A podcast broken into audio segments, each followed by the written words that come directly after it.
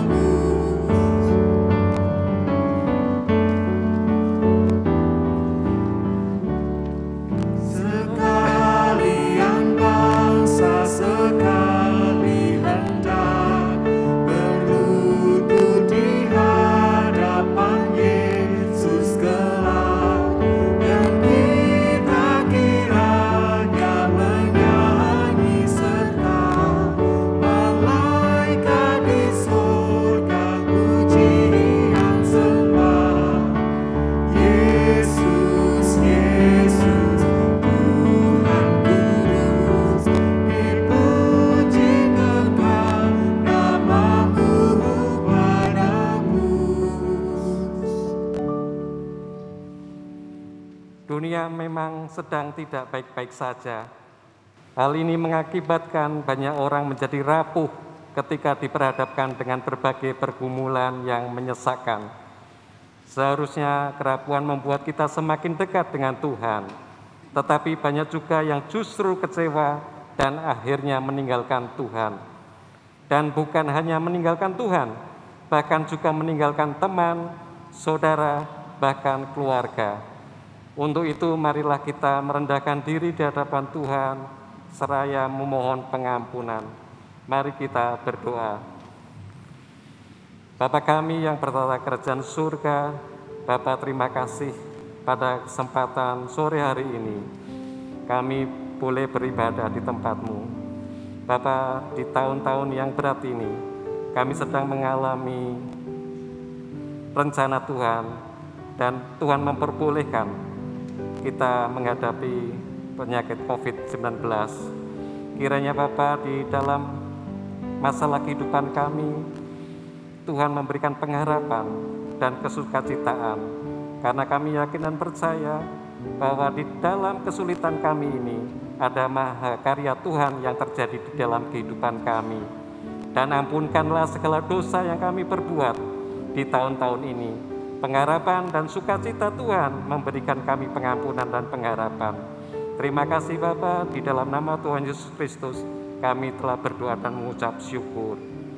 Mari Bapak Ibu kita menyanyikan Hitung Jemaat 105 bait yang pertama dan yang kedua.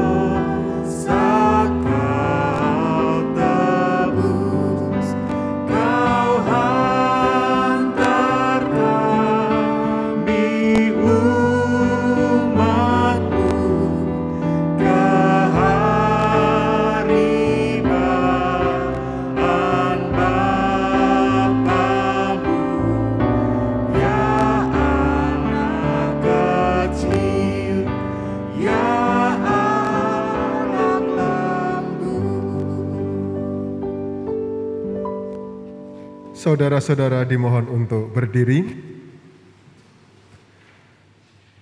Karena belas kasihnya yang tidak terbatas, ia berkenan menerima ungkapan penyesalan dan pertobatan yang dinyatakan secara tulus oleh setiap manusia. Oleh karena itu, terimalah berita anugerahnya Sebab kamu telah dibeli dan harganya telah lunas dibayar. Karena itu, muliakanlah Allah dengan tubuhmu. 1 Korintus pasal 6 ayat 20. Demikianlah berita anugerah Tuhan. Kita bersama-sama memuji nama Tuhan. Nyanyian kitab bakti 114 di setiap janjiku.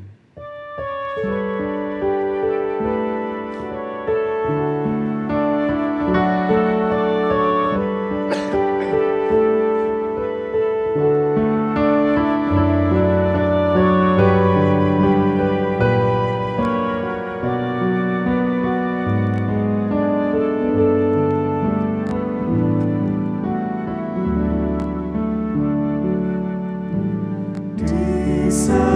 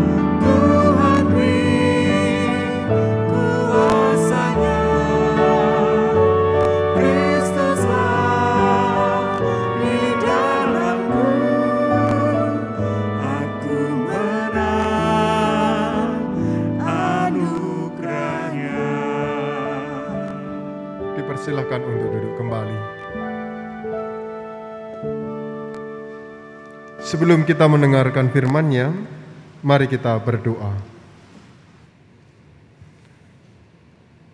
Ya Tuhan Allah Bapa Surgawi, saat ini kami bersama-sama kembali datang di hadirat-Mu yang kudus. Dalam ibadah minggu setelah Natal, kami pun juga masih merindukan akan kebenaran firman-Mu. Biarlah rohmu yang kudus menyertai kami, dan memampukan kami untuk dapat menerima firman itu, sehingga kami mempunyai iman yang kuat untuk tetap mengandalkan Engkau dalam setiap perkara, terlebih khusus dalam konteks kehidupan dunia yang rapuh. Karena hanya dengan iman kami tetap menjadi kuat, karena hanya dengan iman kami boleh melihat akan kehendak Tuhan. Berfirmanlah ya Allah, kami siap mendengarkan, hanya di dalam nama Tuhan Yesus Kristus kami berdoa. Amin.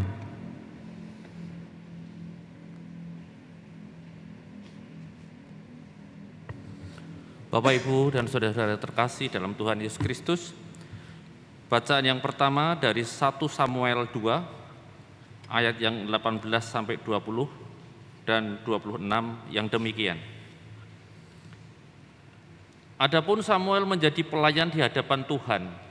Ia masih anak-anak yang tubuhnya berlilitkan baju efod dari kain lenan. Setiap tahun ibunya membuatkan dia jubah kecil dan membawa jubah itu kepadanya.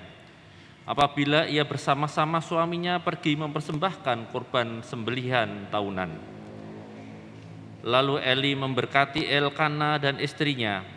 Katanya, Tuhan kiranya memberikan keturunan kepadamu dari perempuan ini pengganti yang telah diserahkannya kepada Tuhan. Sesudah itu pulanglah mereka ke tempat kediamannya. Tetapi Samuel yang muda itu semakin besar dan semakin disukai, baik di hadapan Tuhan maupun di hadapan manusia. Demikianlah sabda Tuhan. Syukur kepada Allah. Bacaan Injil Yesus Kristus yang akan kita terima pada kesempatan kali ini diambil dari Injil Lukas pasal 2 ayat 41 sampai 52. Yesus pada umur 12 tahun dalam bait Allah. Demikian firmannya. Tiap-tiap tahun orang tua Yesus pergi ke Yerusalem pada hari Paskah. Ketika Yesus telah berumur 12 tahun, pergilah mereka ke Yerusalem seperti yang lazim pada hari raya itu. Sehabis hari-hari perayaan itu, ketika mereka berjalan pulang, tinggallah Yesus di Yerusalem tanpa diketahui orang tuanya. Karena mereka menyangka bahwa ia ada di antara orang-orang seperjalanan mereka.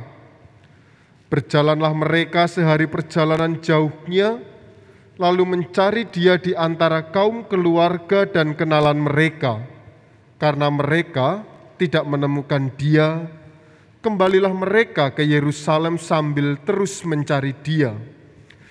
Sesudah tiga hari mereka menemukan dia dalam bait Allah. Ia sedang duduk di tengah-tengah alim ulama sambil mendengarkan mereka dan mengajukan pertanyaan-pertanyaan kepada mereka. Dan semua orang yang mendengar dia sangat heran akan kecerdasannya dan segala jawab yang diberikannya dan ketika orang tuanya melihat mereka, kami ulang tua, kami ulangi, dan ketika orang tuanya melihat dia, tercenganglah mereka. Lalu kata ibunya kepadanya, "Nak, mengapakah engkau berbuat demikian terhadap kami? Bapamu dan aku dengan cemas mencari engkau." Jawabnya kepada mereka, "Mengapa kamu mencari aku?" Tidakkah kamu tahu bahwa aku harus berada dalam rumah Bapakku? Tetapi mereka tidak mengerti apa yang dikatakannya kepada mereka. Lalu ia pulang bersama-sama mereka ke Nazaret dan ia tetap hidup dalam asuhan mereka dan ibunya menyimpan semua perkara itu di dalam hatinya dan Yesus makin bertambah besar dan bertambah hikmatnya dan besarnya dan makin dikasihi oleh Allah dan manusia. Demikianlah firman Tuhan yang berbahagia adalah bagi kita yang menerima firman itu, memeliharanya dan melakukannya dalam kehidupan hari-hari kita. Haleluya.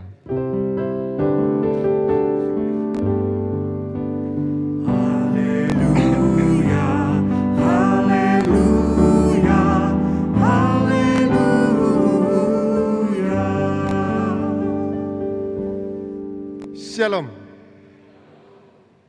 Saudara-saudara yang terkasih di dalam Tuhan kita Yesus Kristus, minggu setelah Natal saat ini diberikan tema warisan berharga di tengah dunia yang rapuh. Tentu akan menjadi sebuah pertanyaan dalam benak kita. Kira-kira warisan apa yang kemudian berharga dalam konteks kehidupan dunia yang rapuh. Berbicara mengenai warisan, tentu tidak hanya berbicara mengenai harta benda, uang, ataupun warisan peninggalan orang tua dan yang lainnya. Karena berbicara mengenai warisan, itu adalah berbicara sesuatu yang umum, yang khususnya bisa uang, barang, bisa juga perilaku, bisa juga warisan semangat, warisan iman, dan masih banyak hal yang lainnya.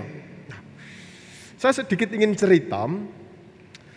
Pada saat ini kebetulan saya sedang menjadi sekretaris di bidang pembinaan warga dewasa klasis Yogyakarta Selatan, di mana bidang PWG itu membawahi komisi-komisi. Ada beberapa komisi. Yang pertama adalah komisi anak. Pengurusnya tidak anak-anak tentunya, pengurusnya tetap orang dewasa. Komisi anak, kemudian komisi pemuda, terus kemudian komisi wanita klasis, dan yang terakhir yang keempat itu adalah komisi adiuswo atau komisi lansia. Menurut saudara-saudara, ketika pada saat deadline pengumpulan laporan untuk kegiatan semester tahunan, yang paling cepat mengumpulkan dari keempat komisi yang tadi saya sebutkan komisi apa? Komisi apa? Kenapa? Lansia. Iya, lansia. Akhir tahun pengumpulan laporan semester kegiatan komisi yang paling cepat mengumpulkan itu malah justru lansia loh. Bukan komisi anak atau komisi pemuda yang semangatnya luar biasa, tidak justru malah lansia yang boleh dikatakan terbatas rapuh. Tetapi ketika deadline tanggal 1 Desember pengumpulan laporan kegiatan komisi. Sebelum tanggal 1 Komisi Adiuswa itu sudah mengumpulkan Pak ini laporannya. Komplit dengan notanya, komplit dengan rencana kegiatan tahun depan, komplit dengan kepengurusan yang baru. Itu luar biasa. Orang yang boleh dikatakan paling rapuh tetapi semangatnya paling tinggi. Komisi yang lain terkadang masih dioyak-oyak. Besok jam sekian deadline ya. Besok jangan lupa Pak minta waktunya ya kalau bisa. Kadang masih seperti itu. Semangat itu yang kemudian juga perlu untuk diwariskan dalam kehidupan kita. Jadi tidak hanya ngomong tentang materi saja yang perlu diwariskan. Mengapa kemudian saya mengatakan semangat itu perlu? Karena ya hal simpel sajalah. 24, 25 gereja penuh. 26 gereja penuh dengan angin. Ya kan? 24 malam jemaat berdiri sampai tangga kanan kiri belakang lesehan full. Ada yang berdiri disuruh pulang nggak mau. Pokoknya pengen ke gereja semangatnya mengapi-api. Setelah itu, endi ya wangi raono. Dua limanya sudah sedikit berkurang dua enamnya berkurang lagi. Nanti banyak lagi ketika perjamuan kudus. Semangatnya itu, ketika mau perjamuan kudus, wah rame gerejanya penuh lagi. Setelah itu, sepi lagi. Alasannya COVID, tapi kemarin full sampai berdiri-berdiri. Ya. Terkadang rasa semangat itu tidak konsisten, tidak ajak. Hanya sebatas ya lumrahnya waktunya mau Natalan semangat, setelah itu ya sudah. Nah, hal seperti itu yang kemudian perlu untuk kita refleksikan dalam kehidupan kita.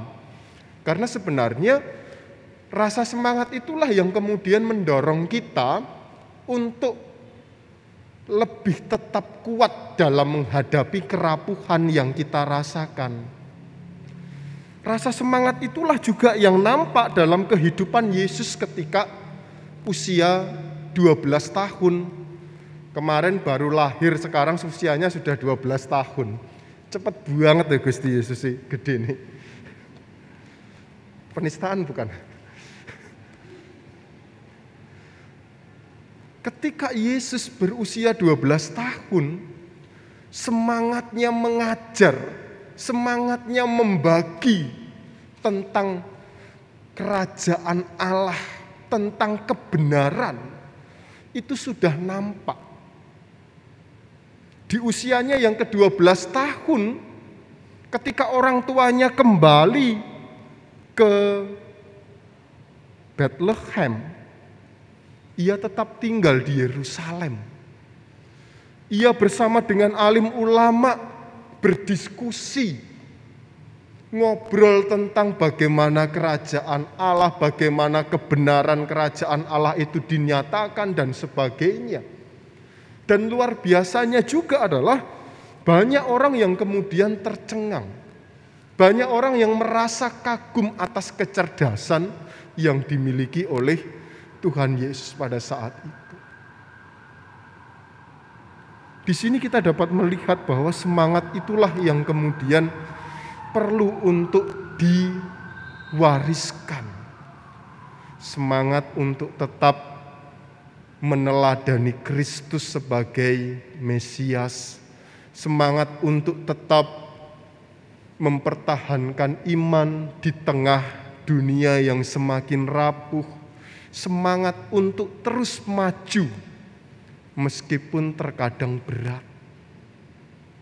Nah, berbicara mengenai warisan, sebenarnya kalau kita mau melihat dalam perspektif uh, social culture, warisan itu uh, dibagi menjadi tiga bagian. Yang pertama itu adalah enkulturasi. Enkulturasi itu berbicara mengenai warisan dari lingkungan sosial. Misalkan ada kebudayaan-kebudayaan tertentu yang kemudian itu dilakukan sampai sekarang dan diturunkan kepada generasi-generasi selanjutnya. Tujuannya agar budaya itu tetap lestari. Misalkan kalau dalam tradisi Jawa saja kita dapat melihat kebudayaan surtana, kebudayaan nyadran, kebudayaan resik desa, bersih bumi, dan sebagainya itu adalah kebudayaan yang sifatnya enkulturasi. Kebudayaan luar yang kemudian diturunkan kepada masyarakat agar kebudayaan itu tetap lestari. Nah, yang kedua bentuknya adalah inkulturasi. Kalau inkulturasi ini berbicara mengenai kebudayaan yang diturunkan dari orang tua kepada anak-anak mereka, anak cucu mereka itu berbicara mengenai sikap etis, bagaimana seseorang harus berbicara, perilakunya seperti apa, sopan santun, termasuk kebudayaan-kebudayaan yang lainnya. Contohnya adalah gaya hidup yang tanpa disadari orang tua juga menurunkan tradisi gaya hidup itu kepada anaknya. Misalkan kalau orang tuanya suka minum yang manis-manis itu kemudian nanti akan diteruskan kepada anak-anaknya. Sehingga nun sewu kalau misalkan ada orang tuanya diabetes anaknya juga ikut ya karena memang ada gaya hidup yang diturunkan tanpa disadari itu diwariskan gitu. Nah, itu yang disebut dengan inkulturasi. Nah, yang ketiga itu adalah akulturasi. Kalau akulturasi itu berbicara mengenai kebudayaan yang bercampur dengan kebudayaan lain blended jadi satu dan menciptakan sebuah kebudayaan yang lebih bisa diterima. Contohnya, kalau tadi saya mengatakan dalam tradisi Jawa itu kan ada kebudayaan selamatan memperingati meninggalnya seseorang mulai dari tiga hari sampai seribu hari. Nah, dalam kebudayaan Jawa, eh, tradisi itu sebenarnya doanya ditujukan kepada roh yang meninggal. Tetapi ketika kekristenan masuk, kebudayaan itu diubah. Doanya ditujukan kepada orang yang ditinggalkan. Bukan kemudian untuk menghilangkan kebudayaan itu tidak, tetapi lebih ke memaknai ulang agar kebudayaan itu tetap bisa berjalan, cuma doanya ditujukan kepada seseorang yang masih hidup atau ditinggalkan. Itu adalah konsep kebudayaan akulturasi. Nah, kembali lagi kepada semangat tadi. Sebenarnya semangat itu juga bisa kita lakukan dalam tiga tahapan ini tadi. Mau pakai cara enkulturasi, mau pakai cara inkulturasi, atau mau pakai cara akulturasi, tidak masalah. Yang penting adalah bagaimana kemudian kita bisa mewariskan rasa semangat itu kepada yang lain. Karena semangat itulah yang kemudian menjadi penting untuk menjadikan kita meskipun rapuh tetapi bisa melakukan segala sesuatu dengan baik. Artinya, dengan rasa semangat itulah yang kemudian membangkitkan tenaga untuk kita lebih kuat. Yesus menunjukkan teladannya, semangatnya dalam mewartakan kerajaan Allah, semangatnya untuk memberikan keselamatan kepada umatnya, dan di sini kita juga diajak untuk mewariskan semangat itu agar kita semakin melihat kasih setia Tuhan. Tetap semangat dan kiranya Tuhan Yesus senantiasa memberkati kita sekalian. Amin.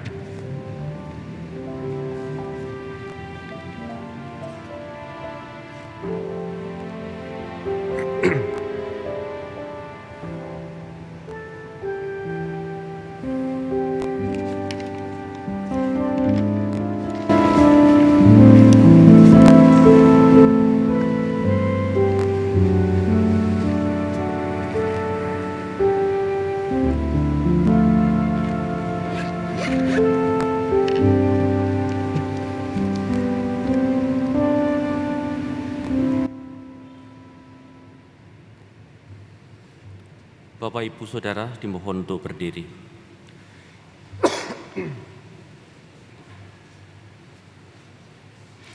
Bersama dengan umat Allah di sepanjang masa, mari kita ikrarkan dan teguhkan kembali apa yang menjadi iman kita dengan bersama mengucapkan pengakuan iman rasuli. Aku percaya kepada Allah, Bapa yang Maha Kuasa, Khalik langit dan bumi, dan kepada Yesus Kristus anaknya yang tunggal Tuhan kita, yang dikandung daripada Roh Kudus, lahir dari anak darah Maria, yang menderita di bawah pemerintahan Pontius Pilatus, disalibkan, mati dan dikuburkan, turun ke dalam kerajaan maut. Pada hari yang ketiga bangkit pula dari antara orang mati, naik ke surga, duduk sebelah kanan Allah, Bapa yang Maha Kuasa, dan akan datang dari sana untuk menghakimi orang yang hidup dan yang mati. Aku percaya kepada Roh Kudus, gereja yang kudus dan am, persekutuan orang kudus, pengampunan dosa, kebangkitan daging, dan hidup yang kekal. Jemaat dimohon duduk kembali. Kita akan masuk di dalam doa syukur dan syafaat. Mari kita berdoa. Tuhan Allah Bapa Surgawi, pada minggu setelah Natal ini, Engkau mengingatkan kembali bahwa rasa semangat itu merupakan suatu hal yang penting untuk kami lakukan dalam kehidupan ini. Terlebih khusus semangat untuk tetap meyakini dan melakukan apa yang menjadi kehendakmu karena dengan demikian kesempurnaan keselamatan yang Tuhan nyatakan boleh terjadi dalam kehidupan kami. Oleh karena itu Tuhan, pada kesempatan kali ini kami berdoa untuk setiap pelayanmu, warga jemaat GKJ Mergangsan, baik majelis, baik song leader, organis, tim multimedia, tenaga keamanan, tenaga kantor, tim dekorasi, serta pelayan-pelayanmu yang lainnya yang belum dapat kami sebutkan satu persatu. Biarlah hanya kasih setia Tuhan yang memampukan dan menumbuhkan rasa semangat di dalam melayanimu, sehingga kami boleh menghayati bagaimana penyertaan Tuhan terjadi atas kehidupan kami. Hingga melalui pelayanan yang kami lakukan, biarlah hanya nama Tuhan yang dipermuliakan. Kami juga berdoa untuk saudara-saudara kami yang ada dalam kondisi sakit, lemah fisik karena usia lanjut, ataupun memasuki pemulihan kesehatan. Tuhan kiranya memberkati dan biarlah melalui uh, para perawat, dokter, sarana medis yang lainnya itu dapat menyatakan kekuatan kesehatan yang daripada Tuhan. Kami mau menyerahkan setiap warga jemaat yang sakit dalam tangan kasih-Mu, biarlah hanya kehendak-Mu yang dinyatakan atas kehidupan saudara kami. Tak lupa pada saat ini kami juga berdoa untuk setiap pergumulan yang kami hadapi, baik pergumulan studi kami, pergumulan pasangan hidup kami, pergumulan pekerjaan, pergumulan keluarga, serta pergumulan ekonomi dan pergumulan-pergumulan yang lainnya yang belum dapat kami sebutkan satu persatu. Biarlah melalui pergumulan ini kami semakin dikuatkan, kami boleh tetap semangat untuk menjalani setiap pergumulan itu dalam terang kasih Tuhan, dan biarlah kami dapat melihat kehendakmu dinyatakan. Karena kami meyakini bersama bahwa di dalam setiap pergumulan di situlah kami diproses, kami dibentuk untuk menjadi lebih kuat dan kami juga diajarkan untuk dapat melihat apa yang menjadi ketetapan Tuhan dalam kehidupan kami. Oleh karena itu, kami mau menyerahkan setiap pergumulan kami dalam tangan kasih-Mu. Biarlah hanya kehendak-Mu yang nyata atas kehidupan kami. Saat ini kami juga berdoa untuk bangsa Indonesia.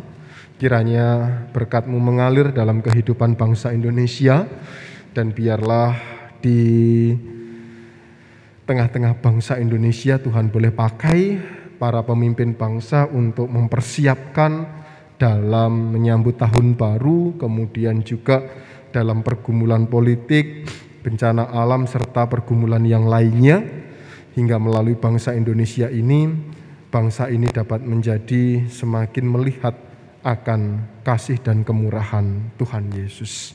Kami mau menyerahkan bangsa Indonesia sepenuhnya dalam tangan pengasihan Tuhan. Biarlah hanya berkat-berkat-Mu yang dicurahkan. Ya Allah, Bapa Surgawi, inilah doa ungkapan kami Tuhan, segala doa permohonan serta ungkapan syukur yang kami naikkan di dalam doa syafaat ini, hanya kami minta di dalam satu nama, yakni Tuhan kami, Yesus Kristus. Amin.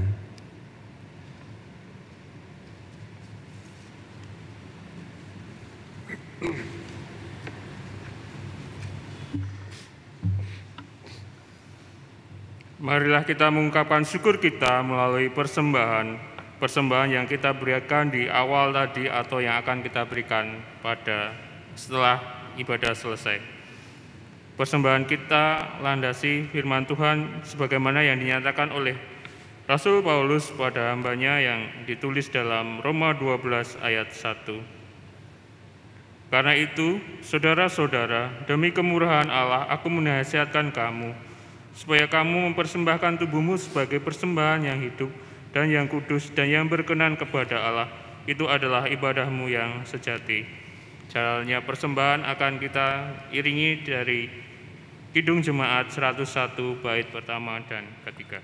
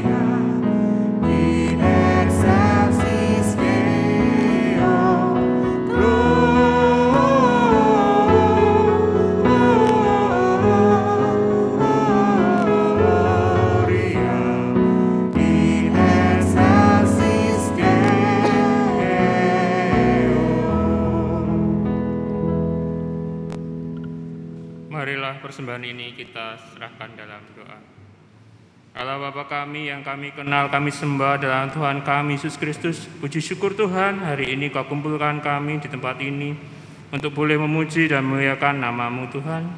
Dan hari ini kami juga boleh mengumpulkan persembahan sedikit dari apa yang Tuhan berikan buat kami. Kiranya Tuhan sendiri yang sucikan, Tuhan sendiri yang kuduskan. Dan Tuhan sendiri yang berkati setiap tangan-tangan yang memeliharanya. Sehingga Tuhan, setiap persembahan yang kami kumpulkan ini boleh kami gunakan untuk kemuliaan namamu. Dan bila saat ini kami boleh menerima firman-Mu melalui Bapak Pendeta Hendra Kurniawan ya Tuhan, biarlah roh kudus-Mu sendiri yang bekerja dalam kehidupan kami, memberi semangat kepada kami untuk meneruskan segala hal yang baik dalam kehidupan kami, sehingga ada keberlangsungan dalam gereja ini Tuhan. Allah Bapa kami Tuhan, doa yang jauh dari sembra ini kami landaskan dalam nama Tuhan kami Yesus Kristus yang telah mengajarkan doa Bapa kami.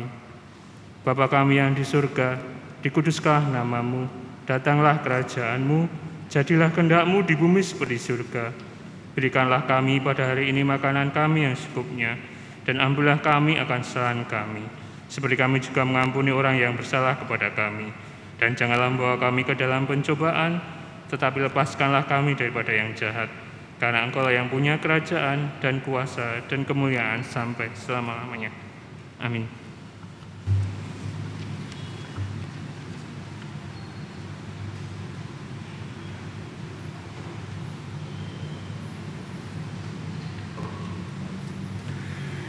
Kita masuk di dalam pengutusan, bersama-sama kita akan kembali memuji nama Tuhan. Ku berbahagia kami mohon jemaat berdiri.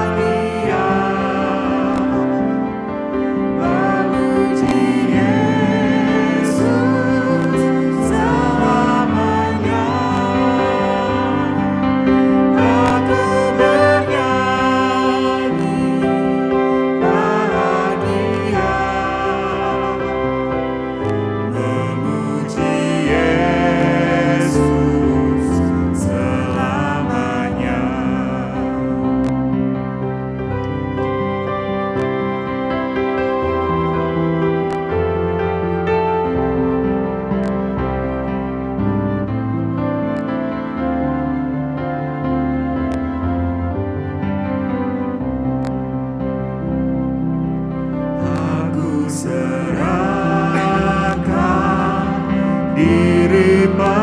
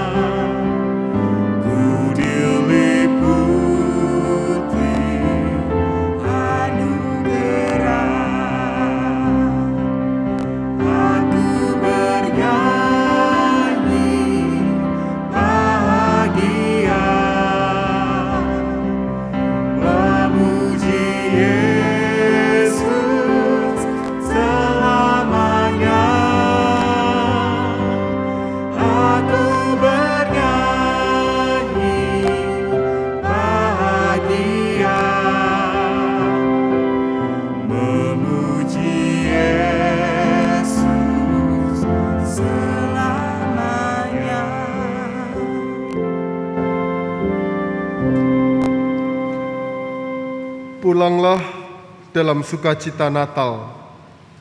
Kerjakanlah firman Tuhan, engkau bersama dengan keluargamu. Terus jadikan pengenalan akan Tuhan dalam praktek hidup sebagai warisan yang terus dihidupi, agar hidupmu dan keluargamu selalu damai sejahtera. Terimalah berkat Tuhan. Tuhan memberkati saudara dan melindungi saudara. Tuhan menyinari saudara dengan wajahnya dan memberi saudara kasih karunia.